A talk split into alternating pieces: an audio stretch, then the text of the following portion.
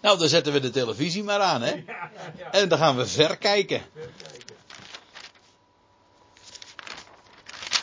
Ja, bij de gewone televisie, daar, daar verkijk je uh, je uh, vooral op, hè? Dat is niet zozeer verkijken, maar dan verkijk je. Maar bij de schrift, ja, dan heb je inderdaad vooruitzicht. En een geweldige uitzicht op uh, wat gaat komen. De vorige keer, toen uh, waren we al lang en breed inmiddels bezig, ook inderdaad met uh, Johannes 13. De geschiedenis die beschrijft vanaf dat hoofdstuk dus tot met vers tot en met hoofdstuk 16 de gesprekken die er waren in de opperzaal. En dat zeg ik trouwens niet eens helemaal goed, want eigenlijk zijn alleen 13 en 14 maken daar deel van uit. En aan het einde van hoofdstuk 14 dan lees je dat Jezus zegt: sta op, laten wij van hier gaan. Dat betekent dus dat het navolgende, als, als dan de Heer begint te spreken over de wijnstok, wat, wat je trouwens ook heel gemakkelijk kunt voorstellen, dat als hij van, dan vandaar, uh, vandaan uh, vertrekt uit de opperzaal en dan vervolgens naar Gethsemane loopt met, uh, met zijn discipelen, dat zij dan inderdaad ook wijngaarden zijn gepasseerd. En dat hij in dat verband ook zegt: Ik ben de ware wijnstok. Dus maar het zijn in ieder geval allemaal gesprekken die hebben plaatsgevonden in die nacht dat Jezus werd overgeleverd. En ja, daar gaan we nu dus mee verder. En we waren inmiddels ongeveer aan het slot van hoofdstuk 13 gekomen. Uh, nou ja, niet helemaal. Maar in ieder geval het grootste gedeelte van het hoofdstuk hebben we gehad. En laat ik dat nog eventjes dan die paar versen die we het laatst hebben besproken lezen. En dan staat er, en hij, nam, hij, hij dan nam de beten. Daar hebben we het nog over, uitgebreid over gehad. De, de beten. En hij, en die hij, staat hier weliswaar met een hoofdletter, maar dat is natuurlijk omdat het begin van de zin is. Het gaat over Judas. Hij dan nam de beten en vertrok meteen. En staat er dan veelzeggend achter, het was nacht. Toen hij dan naar buiten ging, zei Jezus, nu wordt de zoon van de mens verheerlijkt. En God wordt verheerlijkt in hem. Dat eerste is, uh, nu wordt de. Nee, laat ik eerst even dat laatste zeggen. En God wordt verheerlijkt in hem, namelijk doordat hij de weg voleindigde die God hem uh, had gewezen. En in hoofdstuk 17 lees je ook inderdaad dat de Heer Jezus uh, zegt van ik heb de weg ik heb uw naam geopenbaard. Nee, het is vers 3, waar staat: uh, Ik heb u verheerlijkt op de aarde. Hoe? Door, de door het werk te voleindigen dat u mij te doen hebt gegeven. Dus uh, dat is wat uh, Jezus gedaan heeft. Daarmee heeft hij zijn God verheerlijkt. En op basis daarvan uh, is ook de zoon van de mens verheerlijkt. Hij heeft de weg voleindigd. Dat wil zeggen, hij is minder geworden dan de engelen. Hij is gestorven, maar vervolgens heeft God hem gekroond met, heer, met eer en heerlijkheid. En dat uh, was allemaal nu aangebroken. Nu slaat dus op die, die tijd dat de Heer Jezus zou sterven en opstaan. Dat nu komen we, komen we later trouwens, misschien vanavond nog wel uh, weer tegen. En dat is dan ook van belang om, om, dit, om dat woordje nu te verstaan. Dat slaat dus niet zozeer op dat bewuste uur, maar gewoon die tijd. Namelijk de tijd dat Jezus zou sterven en opstaan. En dan nog vers 32. Indien God wordt verheerlijkt in hem, dan zal ook God hem verheerlijken in zichzelf en hij zal hem meteen verheerlijken. Feitelijk is vers 32 een verklaring of een nadere toelichting op vers 31, namelijk God wordt verheerlijkt in hem, God zal hem uh, vervolgens ook verheerlijken en wel meteen. Drie dagen later, zo korte tijd, meteen, uh, zou uh, hij worden verheerlijkt. Nou, en dan pakken we de draad op, want dit hebben we nog niet besproken. Dat de Heer Jezus tegen hen zegt, tegen de discipelen, op een hele werkwaardige eh, wijze spreekt hij hen aan. Want dit eh, lezen we nooit in de Evangelie, dat de Heer Jezus zijn discipelen aanspreekt met kindertjes. Het lijkt ook wat vreemd.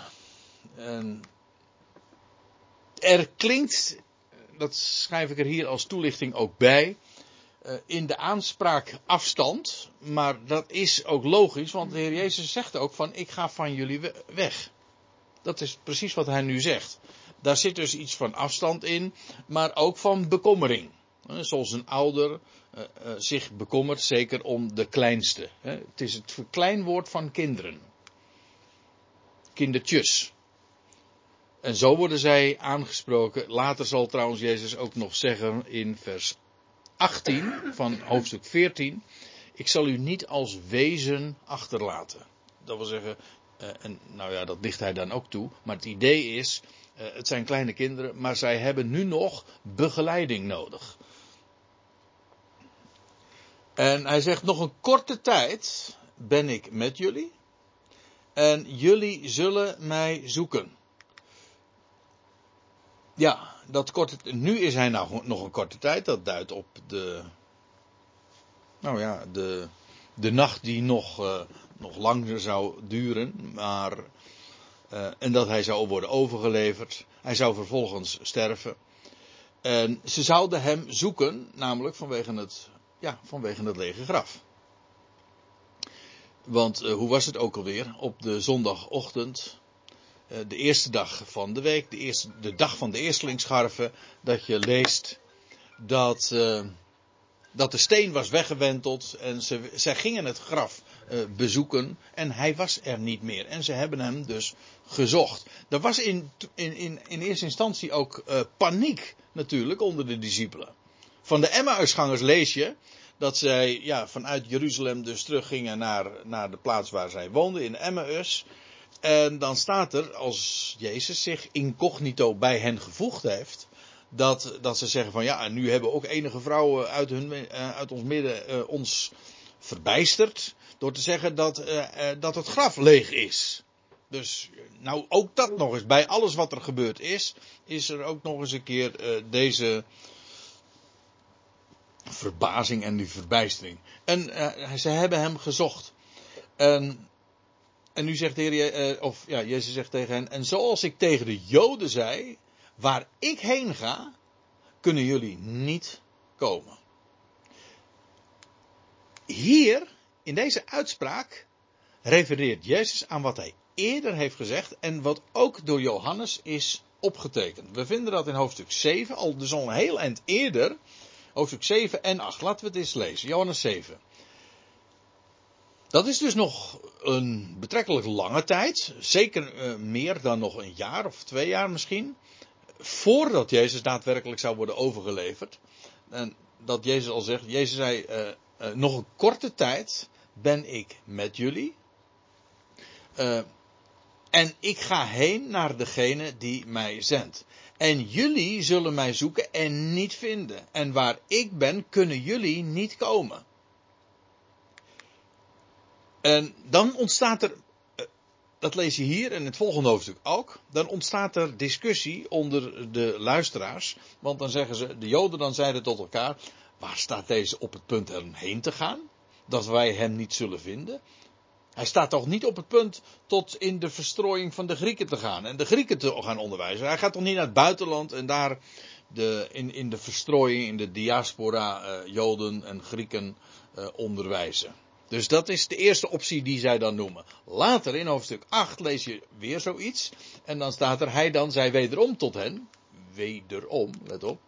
Uh, oh. Het lichtje is wel heel erg zwak. Uh, maar in ieder geval, hij zei wederom tot hen. Ik ga heen en jullie, dit is ook trouwens weer tegen zijn vijandige uh, toehoorders.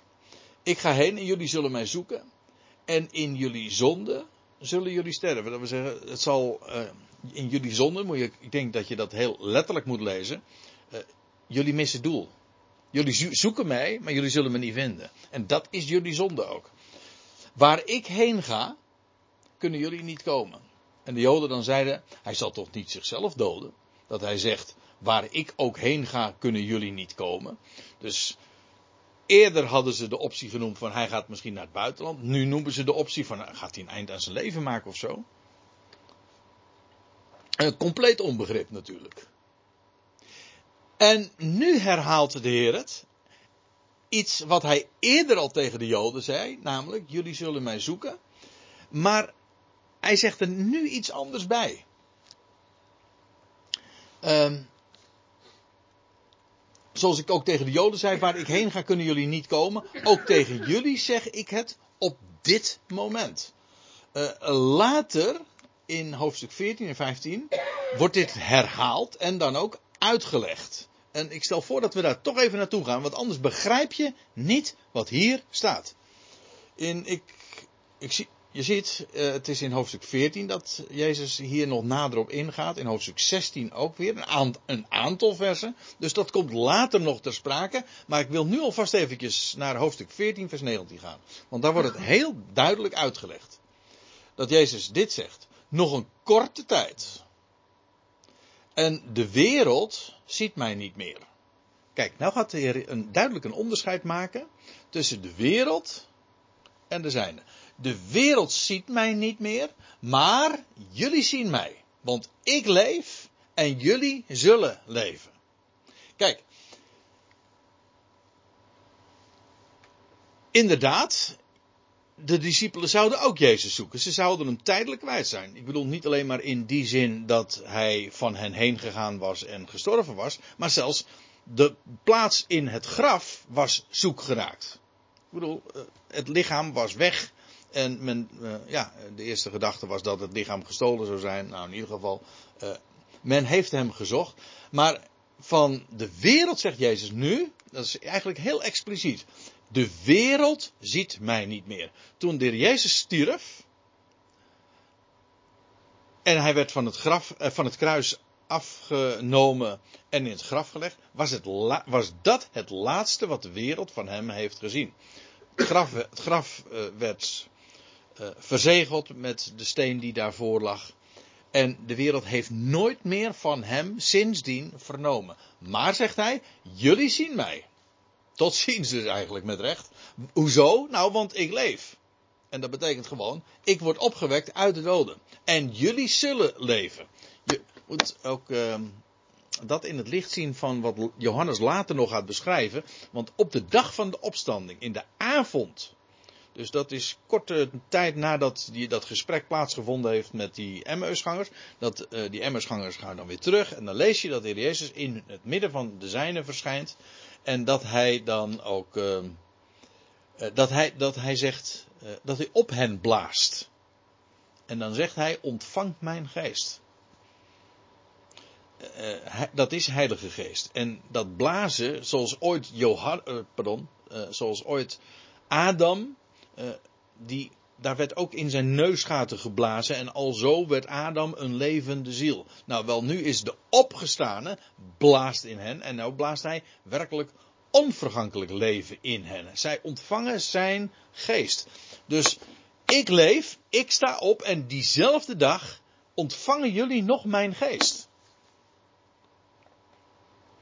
En dat is ook wat de, die woorden betekenen en jullie zullen leven. Er staat ook uh, aan het einde van Johannes 20.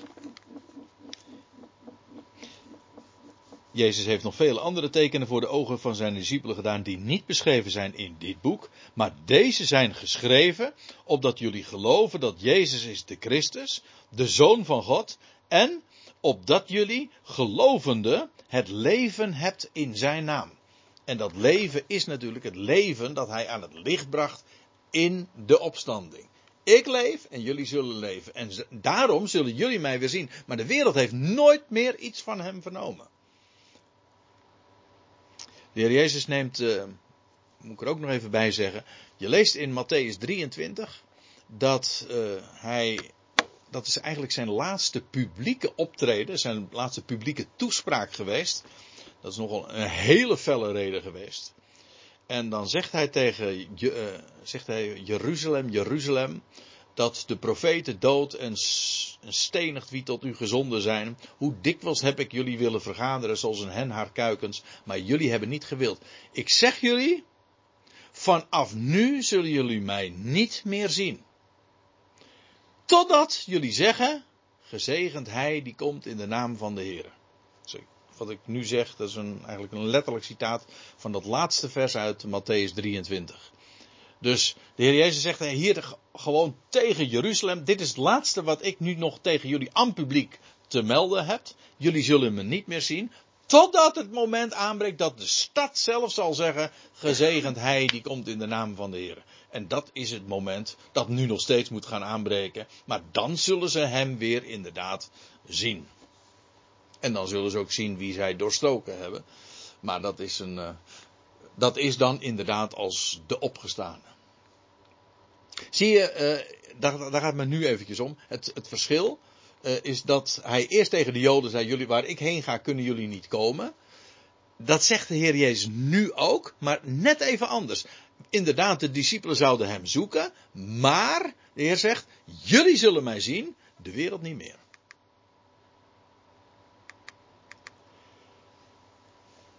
In mijn Bijbel begint er dan ook een, weer een nieuw paragraafje. Uh, in afscheidswoorden, zeg ik dat goed? Nee. Nee. Het is trouwens niet helemaal correct wat ik nu vertel. Maar het sluit wel aan, natuurlijk, bij het direct voorafgaande. Hij zegt: Een nieuw voorschrift geef ik aan jullie. Opdat jullie elkaar lief hebben. Zoals ik jullie lief heb opdat jullie ook elkaar lief hebben. Eerst even dit. Uh, nou, voordat ik wel inga op dat woordje nieuw, wil ik eerst nog even wat zeggen over een voorschrift. Een voorschrift kan natuurlijk uh, de betekenis hebben van een gebod. Dat is het ook. Iets wat, wat iemand met autoriteit geeft je een, een, een gebod. Maar dat hoeft niet uh, per se dit te zijn van jij moet dit doen, maar gewoon ook iets wat voorgeschreven wordt. Ik bedoel, een dokter is ook een autoriteit. Die schrijft ook iets voor. Hè? Een recept. Dus een voorschrift. Hij schrijft van tevoren iets. En dat is eigenlijk wat uh, het idee. En in dit geval zegt de Heer: Ik geef je een nieuw voorschrift. En, maar dat moet je goed begrijpen. Het nieuwe voorschrift is niet dat men elkaar zou liefhebben. Want dat was al van oudsher dat dat een van de centrale geboden waren in de, in de Mosaïsche wetgeving. Dus de samenvatting van de Mosaïsche wet is dat je God zou liefhebben met heel je hart, met heel je ziel. En je naaste als jezelf. Dus ook het elkaar en je naaste liefhebben, dat is geen nieuw voorschrift. Wat is hier nieuw aan? Wel, dat is dat de Heer uh, spreekt over jullie, dat jullie elkaar zouden lief hebben, zoals ik jullie lief heb. En dat is iets anders. Niet uh, hebt uh, uw naaste lief als uzelf. Je hebt jezelf lief. Nou, daar wordt van uitgegaan. En zoals je jezelf lief hebt, heb ook degene die jou nastaat. De, je naaste is trouwens niet dat zijn niet alle mensen. Je naaste, dat zijn degenen die jou het meest nastaan. Het is een, het is een overtreffende trap.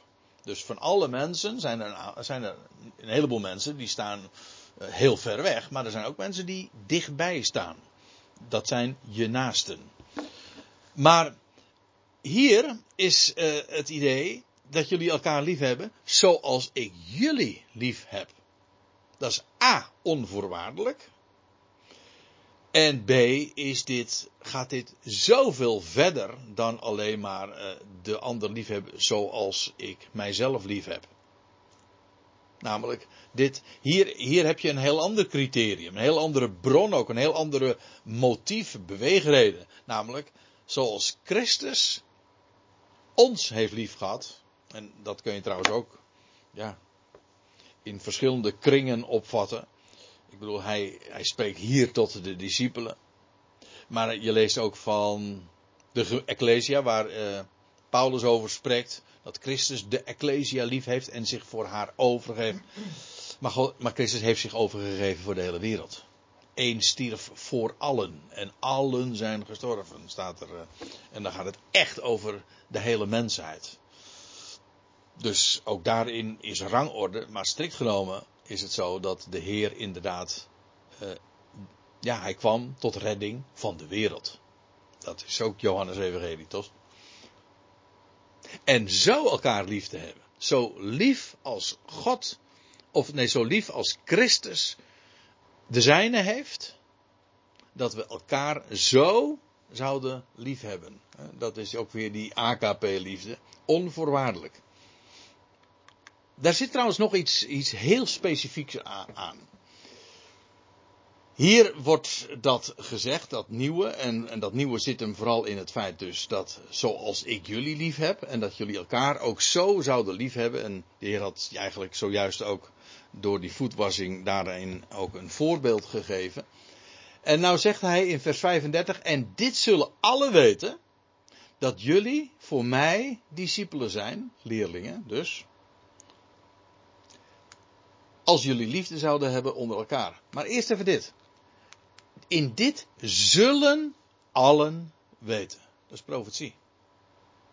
Dat is een voorzegging. Allen zullen weten. Wanneer? Wel, als jullie mijn, uh, dat jullie mijn discipelen zijn. En waaruit blijkt dat? Dat jullie liefde zouden hebben onder elkaar. Ik vind het belangrijk dat, dat je dit heel concreet ook ziet. Dit gaat namelijk ook over Jezus' discipelen. Degene die daar dus toen in die kamer, in die opperzaal aanwezig waren. Dat komt omdat zij zo een bijzondere status hebben. Zij waren namelijk ja, hier nog leerlingen in opleiding, zeg maar.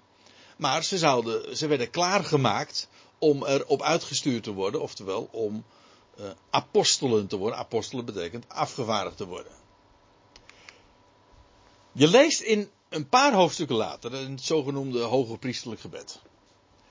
In vers 22, Johannes 17. Daar staat er, en de heerlijkheid die u mij hebt gegeven, de Heer Jezus spreekt hier dus tot zijn vader. De heerlijkheid die u mij hebt gegeven,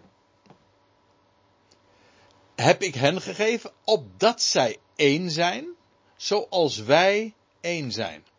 Ik in hen, u in mij, opdat zij volmaakt tot één gemaakt zijn. En dan staat erbij, opdat de wereld zou weten. En nou lees ik even terug.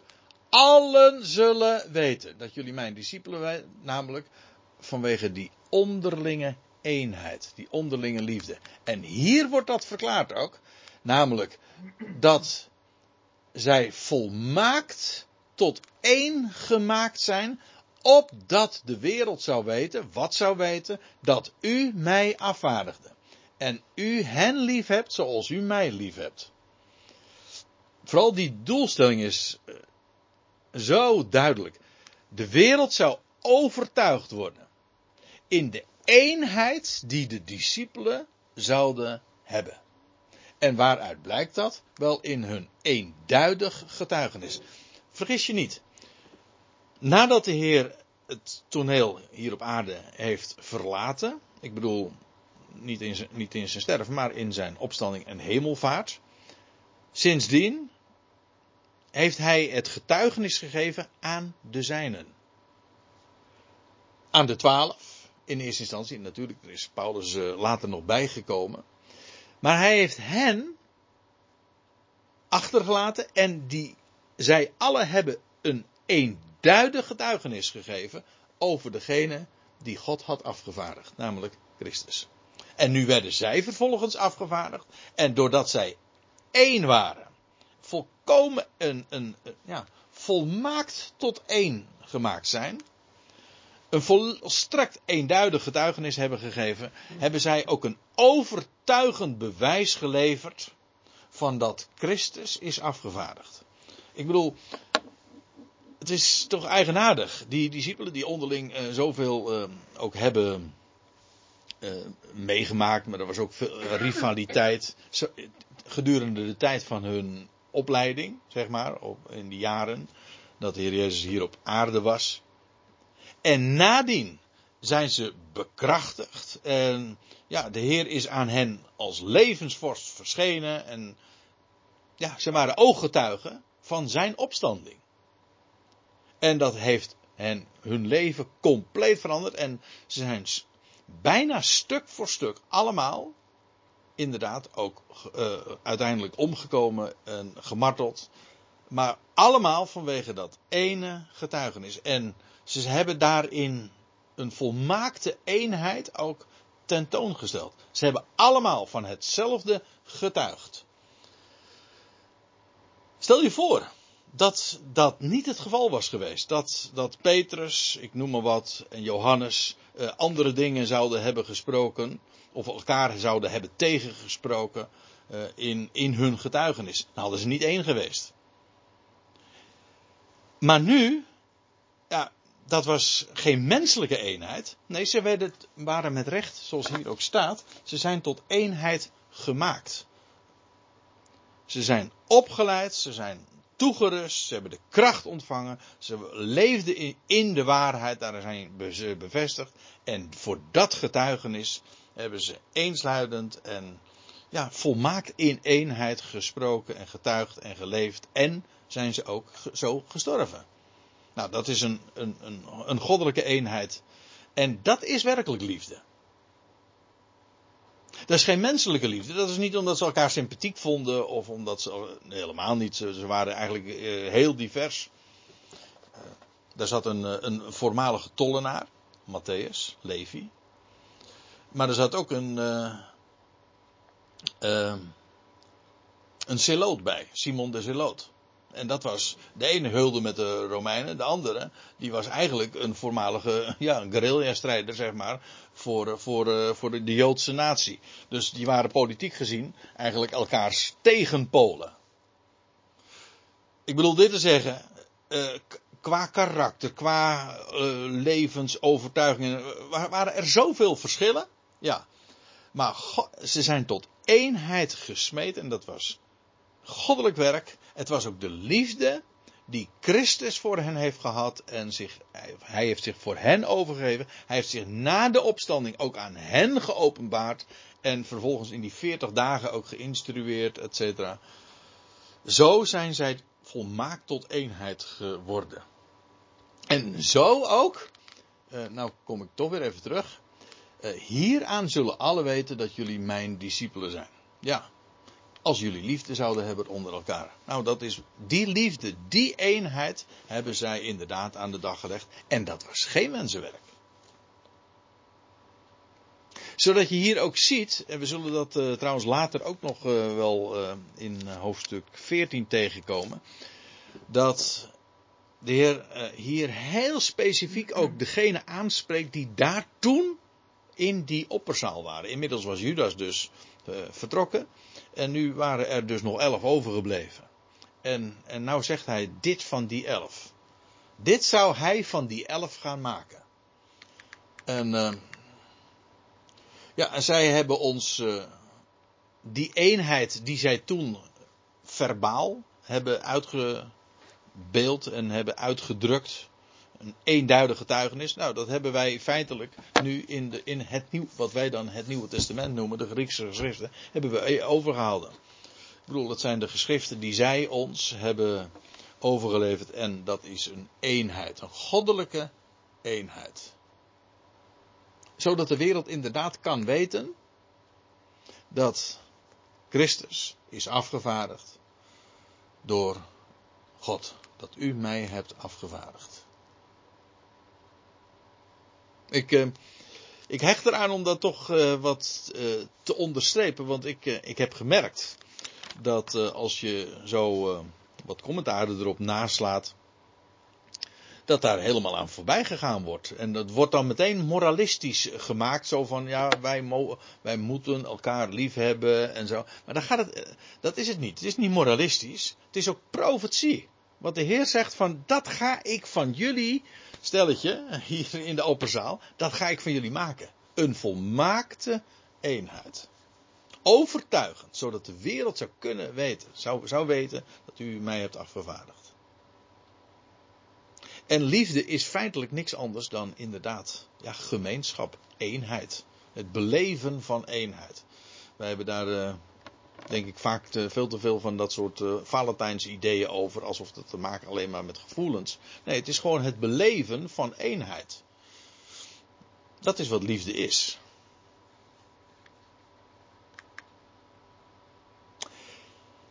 En dan vers 36. Simon Petrus zei tot hem. Dit wordt nu even een, in dat gezelschap een één op één gesprek.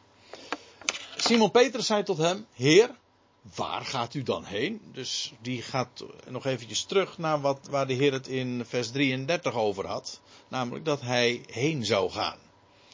En dat blijkt niet erg begrepen te worden. Dat zullen we trouwens straks ook nog uh, zien in hoofdstuk 14. Uh, de Heer heeft zich daar in de opperzaal soms heel cryptisch uitgelaten. Of in elk geval, uh, het kwartje was niet gevallen. Hier bij Petrus niet, later bij Thomas en, later, en nog weer later bij Filippus ook niet. Kortom, uh, er was nog steeds zoveel onbegrip. En nu Petrus. Uh, Heer, waar gaat u heen? Jezus antwoordde, waar ik, waar ik ook heen ga, kun je, waar, eh, ja, waar ik ook heen ga, kun jij mij nu niet volgen.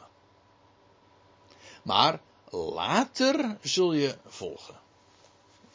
Je, je merkt wel, uh, er wordt hier een verschil gemaakt tussen nu en later. Nu kun jij mij niet volgen. Je zou, de weg die de Heer nu zou gaan, ja, dat was een weg die hij alleen ging. Ik bedoel, hij werd gevangen genomen. Hij werd voorgeleid. Hij werd ter dood veroordeeld. Hij werd gekruisigd. Daarin konden zij hem helemaal niet volgen. Maar, zegt hij tegen Petrus, later zul je, zul je volgen. Ook dit wordt later in, in dit evangelie ook uitgelegd. Dat het inderdaad ook zo gegaan is. En dan komen we helemaal aan het einde van, uh, van het Johannes-evangelie, in hoofdstuk 21 dan zijn we inmiddels uh, na de opstanding, in die morgen dat ze, weet je nog, de, dat uh, de discipelen hadden in de nacht hadden gevist. En dat Petrus dan uh, op een gegeven ogenblik zegt, nee, dat Johannes tegen Peter zegt, joh, dat is die daar aan de oever staat, dat is Jezus. En dat Petrus dan het water in, in duikt, springt. Afijn, en dat ze dan bij een kolenvuur komen. Wat voor Petrus natuurlijk wel heel te denken heeft gegeven. Daarbij dat kolenvuur werd hij dan in ere hersteld. En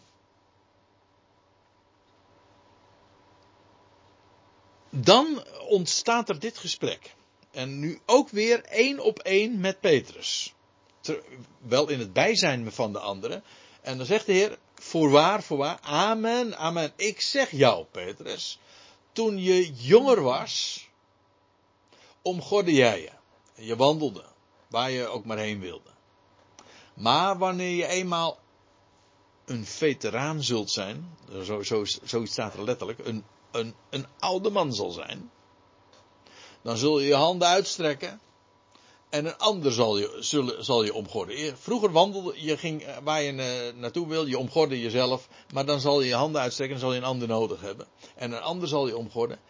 En staat erbij, en brengen waarheen jij niet wilt. Waar doelt hij op? Nou, dat wordt dan in het volgende vers eh, uitgelegd. En dit zei hij nu om aan te duiden met welke dood hij, Petrus, God zou verheerlijken. En dit gezegd hebbend, zei hij tot hem: Volg mij. Waarmee gezegd is dat de Heer hier al tegen Petrus zou zeggen: er komt een moment dat jij, ja, dan zal je inmiddels een, een oude man, een oudere man zijn, een veteraan zijn. En uh, dan, dan zal je gebracht worden op een plaats waarheen jij niet wil gaan. En, dat, en daarmee bedoelde hij op wat voor dood, met wat voor dood hij God zou verheerlijken. Dat wist Petrus dus. Aan het einde van zijn leven zegt Petrus ook in de tweede Petrusbrief. Dat is zeg maar zijn, ja, zijn geestelijk testament. Want dan zegt hij ook van. Ja, uh, de Heer heeft mij duidelijk gemaakt dat het uh, moment van mijn verscheiden niet lang meer uh, zal duren. En hij is dus ook omgebracht. Hij is ook, Petrus is de marteldood gestorven. Hè? dat wordt niet in. ja, dat is wel de. Ja, dat is het verhaal dat dat in Rome is gebeurd. En het verhaal is ook dat hij in Rome ligt begraven. Wat, uh, in, laat ik het zo zeggen, dat is de traditie. Of het klopt, weet ik niet. Ik bedoel, het verhaal is ook dat hij de eerste paus in Rome was. Maar daar geloof ik ook geen bal van. Wat zeg je, Adi? Ze hebben Rome nog veel meer om zeep geholpen. ja. Ja, dat is zeker ja. Maar uh, waar dat dan ook zou zijn uh, geweest, dat. Uh, dat doet eigenlijk ook in, eigenlijk in dit verband niet de zaak. Het gaat erom dat, dat Petrus hier wordt gezegd van. tegen Petrus wordt gezegd: je zult inderdaad een, een dood sterven. en niet een natuurlijke dood. Nee, je zal gebracht worden naar een plaats waarheen jij niet wil. Dat zullen andere mensen doen. Dat wil zeggen, die zullen je gewoon ter, ja, naar de plaats van de terechtstelling brengen. En, uh, dus als de Heer zegt hier in Johannes 13, uh, waar, ik, waar ik naartoe ga, dan kun je me nu niet volgen. Nee, maar er komt een moment dat je me wel zal volgen. Heel, vrij letterlijk, dat wil zeggen, je zult namelijk ook uh, zo een, een marteldood sterven het verhaal gaat, maar nu zeg ik dat weer met de voorbehoud. Het is een bekend verhaal dat hij uh, ook dat hij omgekeerd is gekruisigd. Uh, en het verhaal gaat ook dat hij dat zelfs op verzoek gedaan heeft. Hij wilde niet, net als zijn heer, uh, zo recht overeind sterven, maar een, een, een, omgekeerd kruis. Dan heb je ook nog het Andreaskruis, dat,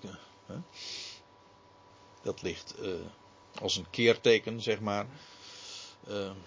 Omgevallen. Maar in ieder geval, ik, ja, aan dat soort versies.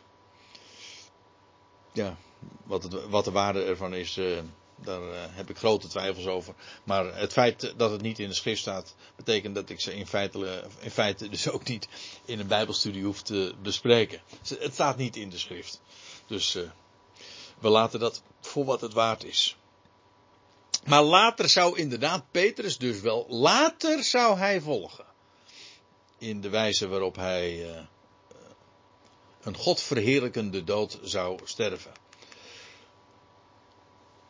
En, en Petrus die, die gaat dan, als, als de Heer dat dan gezegd heeft, zei tegen hem: Heer, vanwege wat kan ik u niet volgen op dit moment? Want uh, hoezo later pas? Waarom nu niet? En dan, uh, dat is, dan krijg je weer die hele typerende bravoer van, van Petrus. Ik zal mijn ziel ten behoeve van u stellen. Of zoals de MBG-vertaling stelt. Dan zal ik mijn leven voor u inzetten. Niet leven, maar het is ziel. En hij zegt, ik, ik, ik ga dat, dat ga ik nu doen. Niet later, ik zal nu mijn leven, mijn ziel voor jou uh, uh, stellen. Of uh, in, inzetten. Nou, we weten wat het antwoord van de Heer was. Later, trouwens in de andere evangelie wordt dat wat uitgebreider beschreven dan hier in, uh, in het Johannes-evangelie. Althans, de gesprekken in de opperzaal.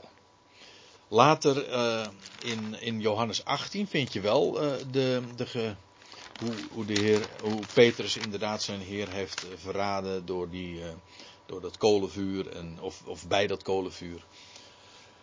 Maar hier zegt de Heer, hij nogal kort in het eh, beantwoorden van die, eh, van die claim die Petrus zo heldhaftig doet. Van, ik ga nu al, niet later, nee, ik ga nu al mijn leven voor jou inzetten.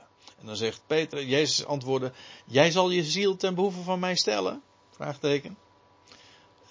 Amen, amen. Weer die duidelijke eh, benadrukking. Voorwaar, voorwaar, ik zeg jou. Geen haan zal kraaien voordat je mij driemaal zal verloochenen. Dus stel een nachtwaken, ik geloof dat dat uh, tot drie rond een uur of drie is. Dat heet ook uh, het hanengekraai. Die nachtwaken wordt zo genoemd. Een nacht heeft vier nachtwakens. Dus vier periodes uh, waarin de nacht is ingedeeld.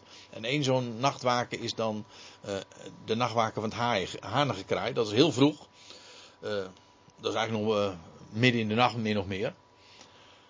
En voordat een haan zou kraaien, zou hij, de Heer, al driemaal hebben verlogen. Dus in plaats van jouw claim voorzeg ik je dat je me de, deze nacht nog, de, deze nacht nog, voor, nog, he, nog voor de vroege morgen, dat jij mij niet één keer, maar drie keer zal hebben verlogend. Dus jouw hele claim van, ik, ik zal mijn leven voor u inzetten. Uh, ik, ik moet zeggen, je ziet hierin toch ook wel heel duidelijk, ja, de, de menselijke wil, de menselijke keuze en hoezeer dat eigenlijk een, een luchtbel is. Toch? Je kan zoveel zeggen. En uh, dan moet ik er ook aan denken, aan uh, wat, wat dan uh, met name dan in de evangelische kring ge, geleerd wordt. De, de, menselijke wil, jou, jouw keuze. Nou, hier, hier hier lees je nou van een man die voorop ging en heel duidelijk kiest en er vooruit kwam, hè, heldhaftig. Later in diezelfde nacht nog dat hij ook het zwaard nam, dat was heel heldhaftig. Maar puntje bij paaltje kwam, bleek er helemaal niks van over te zijn. Was het zwak en was hij uiteindelijk, ja, ook gewoon een mens. En dus uh, ik ben zo blij dat, daar, uh, dat, het, dat het niet van een mens afhangt. En dat wordt door de Heer hier ook wel heel duidelijk uh, naar voren gebracht. Jij? Jij zegt dat? Joh. Voor, voordat. Ik bedoel, dit was al ergens halverwege de avond, stel ik me zo voor. Ik bedoel, de maaltijd. deze gesprekken hebben enige uren geduurd natuurlijk. En nog voor de vroege ochtend zou Petrus al zijn Heer drie keer hebben verloochend. Dat wordt hier voorzegd. Dat is het einde van Johannes 13 en dat, dat is de hoofdstukindeling, hoeven we ons niet zo al te veel van aan te trekken. Het is wel zo trouwens dat nu in hoofdstuk 14, uh, in die eerste zin, uh, gaat het niet meer uh, om dat gesprek tussen Petrus en, en, Jezus. Want de heer Jezus spreekt nu weer de rest van zijn discipelen ook aan. Hè. Laat jullie hart niet verontrust worden. In de MBG-vertaling wordt dan gezegd: uw, laat uw hart niet verontrust worden. En dat is nou het nadeel dus van, een, uh, van zo'n vertaling. Want als je zegt uw, dan is niet helemaal duidelijk over wie het nou is dat meervoud of enkelvoud. Ja, dat kan allebei. Je kan één iemand aanspreken en aan, aan, aanspreken met uw, uw hart. Maar je kan ook zeggen uw hart. Hè? En daarmee eh, allen bedoelen. Maar als je, eh, als je spreekt over je en jullie, ja, dan heb je het wel heel duidelijk. En het staat hier duidelijk gewoon in het meervoud. Het kan niet missen. In het Grieks is het volkomen helder dat de Heer zegt: laat jullie hart niet verontrust worden. Hoezo? Waar, waarom zou hij dat nou zeggen? Laat jullie hart niet verontrust worden. Ik denk dat het nog steeds gaat over het feit dat hij uh, al een paar versen eerder al had gezegd: Ik ga heen. En hij had ze daar al uh, met vragen achtergelaten. En die vragen worden, zullen straks zich opnieuw weer aandienen. Maar ja, het is logisch dat. Vooral wat je, als je bedenkt dat. daar in het algemeen uh, het sentiment onder de discipelen nog steeds was. Of, of dat in deze avond nog steeds het geval was, dat waag ik te betwijfelen. Maar het sentiment was onder de discipelen wel degelijk. Ja, uh, zoals Judas dat zich ook had voor ogen gesteld. Uh, dat ja, Jezus zijn koninkrijk zou gaan openen. Hij was naar Jeruzalem getrokken en nu zou het gaan gebeuren. Nou, het ging inderdaad gebeuren, maar niet wat hij verwachtte. Niet het openbaar worden van het koninkrijk. Het koninkrijk zou juist verborgen worden. En dat is uh, ja, voor ons met, met de kennis van nu om zulke dingen dan achteraf te lezen, juist heel makkelijk om, de, om, de, om hun onbegrip dan daar laatdunkend over, ja, je over uit te laten. Maar je moet even proberen voor te stellen wat, wat zij dachten uh, dat er zou gaan gebeuren. En daar hebben ze ook aan vastgehouden. Ondanks het feit dat de Heer al diverse keren er heel duidelijk op had op gewezen dat hij zou sterven. En opstaan. Wist je trouwens, ik zeg het nu zo. Wist je dat de Heer, als hij voorafgaand aan zijn sterven sprak over zijn aanstaand sterven, dat hij dat altijd heeft gedaan. Met de uitspraak dat hij ook zou opstaan. Niet ene keer kun je vinden in de Evangelie dat als hij daarover spreekt, dat hij ook niet spreekt over zijn opstanding. Dat noemt hij altijd erbij. Maar dit is een typisch voorbeeld van, van menselijke uh, ja, verblinding, een blinde vlek. Dat iets wat je niet begrijpt, iets wat je niet kent, dat je ook niet eens hoort. Dan kan het je gezegd zijn en dat je, omdat je het niet kan plaatsen, versta je het niet, hoor je het niet. En ja, er zijn, uh, daar zijn heel wat voorbeelden van. En dat kun je natuurlijk uh, psychologisch verklaren. Maar zo zit een mens inderdaad in elkaar. En dat zie je heel duidelijk bij de discipelen. De Heer, terwijl de Heer heel uitdrukkelijk dat had gezegd. Ik bedoel, het waren ook best. Het waren mannen die, die je goed om een boodschap konden sturen. En toch hebben ze dit nooit begrepen. Maar goed, de Heer had hen voor, voorbereid, ik ga heen. En, en nu zegt hij, laat jullie hart niet verontrust worden. Ontroerd staat er, maar het is eigenlijk verontrust. Geloof in God en geloof in mij. Uh, zoals je in God gelooft, zonder dat je hem ziet, geloof ook in mij, als je mij straks niet meer zult zien. Eh, geloof in mij, ja, juist omdat ik heen ga. Juist omdat je me niet meer zult zien, uh, wordt dan dat zo gezegd. En zoals je in God gelooft en in zijn woord, wel, vertrouw net zo ook op mijn uitspraken. Ja. Nou, en dan komt er een, een uitspraak daar moeten we het na de pauze maar eens een keer over hebben, want daar is uh, nog heel wat uh, over te melden.